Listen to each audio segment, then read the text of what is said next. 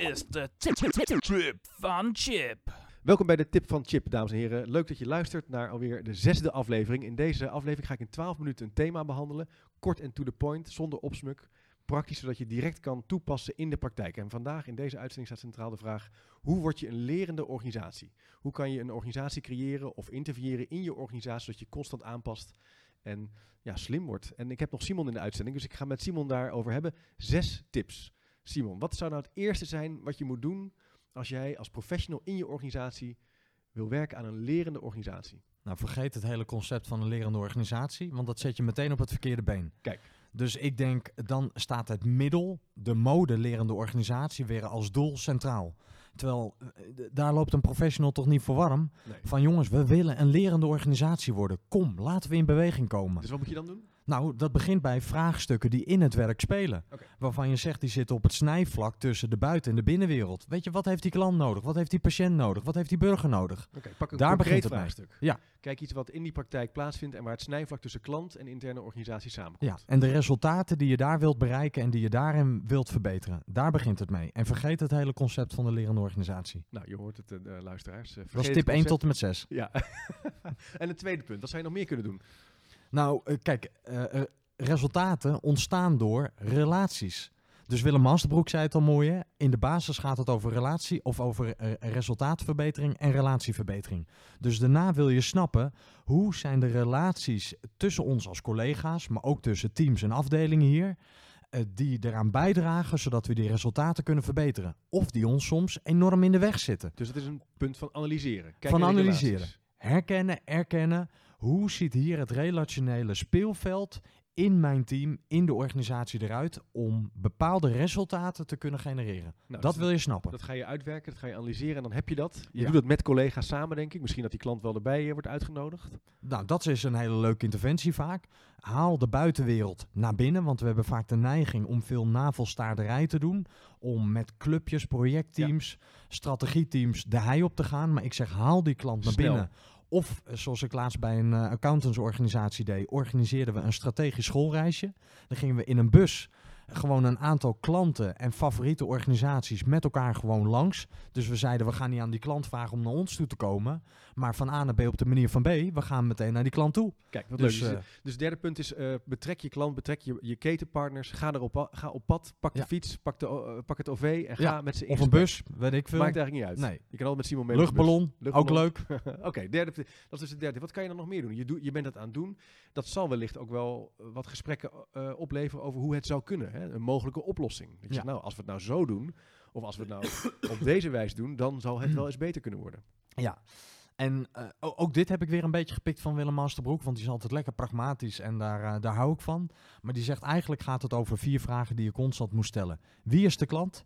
Hoe kunnen we scoren bij die klanten? Dus welke vragen hebben we nu nog geen antwoord op of onvoldoende een antwoord op? Welke acties horen erbij, zodat we erop kunnen scoren? Ja. En hoe gaan we de follow-up, de opvolging van die acties monitoren? En daar zit het lerende in. Dus dat je constant leert, de acties die we hebben bedacht, zijn dat wel de juiste acties? Weet je, dus dat is eigenlijk even van een afstandje kijken van eh, misschien moeten we nieuwe acties bedenken. En je kijkt naar het effect van die acties. Ja. Dus weet je, hoe dragen die acties nou bij dat we voor die klant meer betekenen? Dus je moet ook wel iets van eh, instrumentarium hebben om te meten. Je moet wel data hebben waar je het, waar je het langs kan leggen. ja, dus dat, dan gaan we naar de volgende tip. Je hebt dus meetbare, maar ook merkbare doelen nodig. Meetbare en merkbare doelen. Ja, want je wil gewoon, nou, meten is weten, maar weten is niet altijd meten. Dat moet je even uitleggen. Ja, dus niet alles wat. eh, niet alles is meetbaar in het leven. Dus we doen dan altijd, weet je, meten is weten. Nee, sommige dingen zijn ook gewoon te merken. Van eh, sfeer, eh, eh, emoties, gevoel wat het oproept, beleving wat het Prettige oproept. werkomgeving. Ja, Oké, dus daar kan je ook op interveneren. daar kun je in ieder geval. en die zijn merkbaar. ja. Dus en- dus je kan zeggen op sfeer, op relatie, op interactie, merkbare doelen. ja, En je hebt het meetbare doel. Wat zou dan een meetbaar doel kunnen zijn? Als je zegt, nou, ik wil eh, meer een lerende organisatie worden, wat zou dan een meetbaar doel doorlooptijd, aantal klachten, Dus de afhandeling van een, van Ja. een vraag van een klant, bijvoorbeeld. Ja. Aantal klachten. maar ook eh, klanttevredenheid. Alhoewel tegenwoordig gaat het over NPS en dat is wat meer klantloyaliteit. Dus klanttevredenheid gaat over hier en nu vandaag. Ja. Maar dat zegt niet of die klant loyaal aan je blijft en of die volgende week, volgende maand, volgend jaar ook nog bij jou terugkomt. Ik kan vandaag wel tevreden zijn, maar voor, het gaat erom, ga ik met mijn toekomstige vragen en behoeftes, kom ik dan ook nog bij je terug. Oké, Dus, dit je wil vooral meten op klantloyaliteit. meten op klantloyaliteit in de zin van hoe, hoe nauw is jouw relatie, Relatie. met de klant. Ja. Dus daar Ja. heb je al wel een, een spannend punt. Het gaat Ja. over een spannend punt over Ja. de relatie die je hebt met je klant of partner met wie je samenwerkt als je een. eh, En je hebt dan meet- en merkbare doelen. En dan gaan we naar de volgende tip. Ja. Als ik even de lead zo van je overneem. nou, dat mag niet, maar je mag wel een tip geven. Precies. Maar dat gaat over, maak de voortgang zichtbaar. Maak de voortgang zichtbaar. Ja, wat, wat zichtbaar is, is sneller bespreekbaar. Wat sneller bespreekbaar is, is sneller verbeterbaar. Dus die trits van zichtbaar, eh, eh, bespreekbaar, verbeterbaar, die is enorm belangrijk dat je die goed inricht op dus je je, werkplek. moet, je moet in je organisatie zien dat er wat gebeurt. Zeker weten. Ja, en, en hoe doe je dat nou? Eh, kan je, moet je posters ophangen of ja, nieuwsbrieven rondsturen? Wat zijn nou tegenwoordig manieren om op een aantrekkelijke manier zichtbaar aan verandering te werken? Ja, dat zijn die whiteboards. Dus tegenwoordig zie je natuurlijk overal die whiteboards. Hè. We leven natuurlijk in die rage van Agile, Scrum, Ja. Eh, Lean. En die werken allemaal met eh, weekstarts, cake op de week en die, en die borden. Maar ja, ik denk die borden is wel de meest simpele vorm. Het werkt wel. Ja, om het gewoon zichtbaar te maken. Ja. Maar ik Ja. denk wederom, dat is maatwerk. Laat de mensen dat zelf bedenken. Ja, van jongens, hoe gaan we het op een aantrekkelijke manier zichtbaar maken? Ja, ik herken dat heel erg. Ik heb ooit een onderzoek gedaan bij eh, supermarkten, waarin daar werkt het heel goed om met posters te werken in de kantine. Want al die mensen gingen in de kantine een broodje eten en die keken dan naar die posters. Ik heb ooit bij een gas, Shell, heb ik ook over een onderzoek naar gedaan naar gas, wat gas van de Noordzee binnenkwam in Den Helder. Hebben we ook gewerkt met, met grote whiteboards in de kantine, want dat was een plek. Maar ja, misschien dat wel eh, bij de spoorwegen je juist moet werken met eh, de handheld hè, die Ja. iedereen heeft. Ja. Dus kijk naar het primaire proces, maar ontwikkel wel een zichtbaar eh, plek waar je kan de verandering kan laten zien.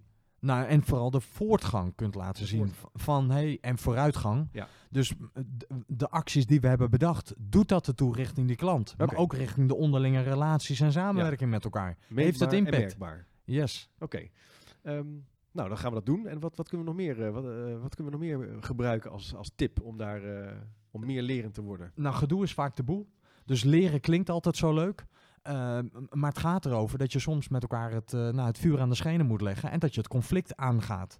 Omdat je zegt, we hebben soms verschillende meningen, verschillende visies, maar ook verschillende belangen over wat we vinden, wat die klant nodig heeft of wat er verbeterd moet worden.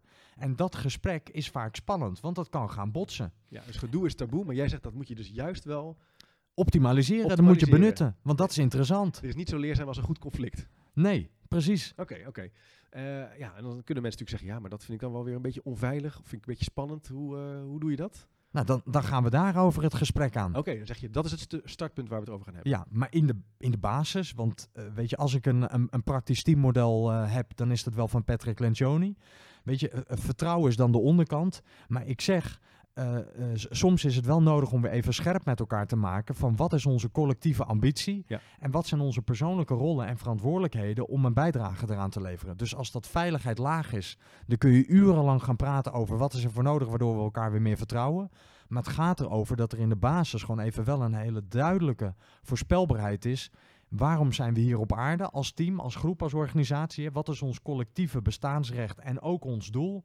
En wat zijn de persoonlijke rollen en verantwoordelijkheden die daarbij horen? Want vaak is dat vervaagd.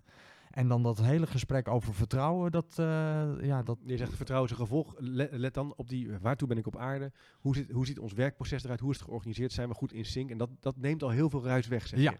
Wat- Dus daarmee, dat is ook een manier om aan een lerende organisatie te werken. Dat je helderheid hebt. Wat is mijn taak? Hoe lever ik waarde? Hoe Ja. ben ik gerelateerd aan mijn collega's? ja. Hoe ziet de ordening eh, eruit? De ordening. Dat geeft rust en voorspelbaarheid. Leuk. Nou, daar zijn we al best wel op weg. Wat kunnen we nog meer doen? Hebben we niet nu al genoeg? Ik denk... eh, die Jij beste- zegt, we moeten het hierbij houden? Ja, nou, ik, ik denk eh, meer is niet altijd beter. Nee.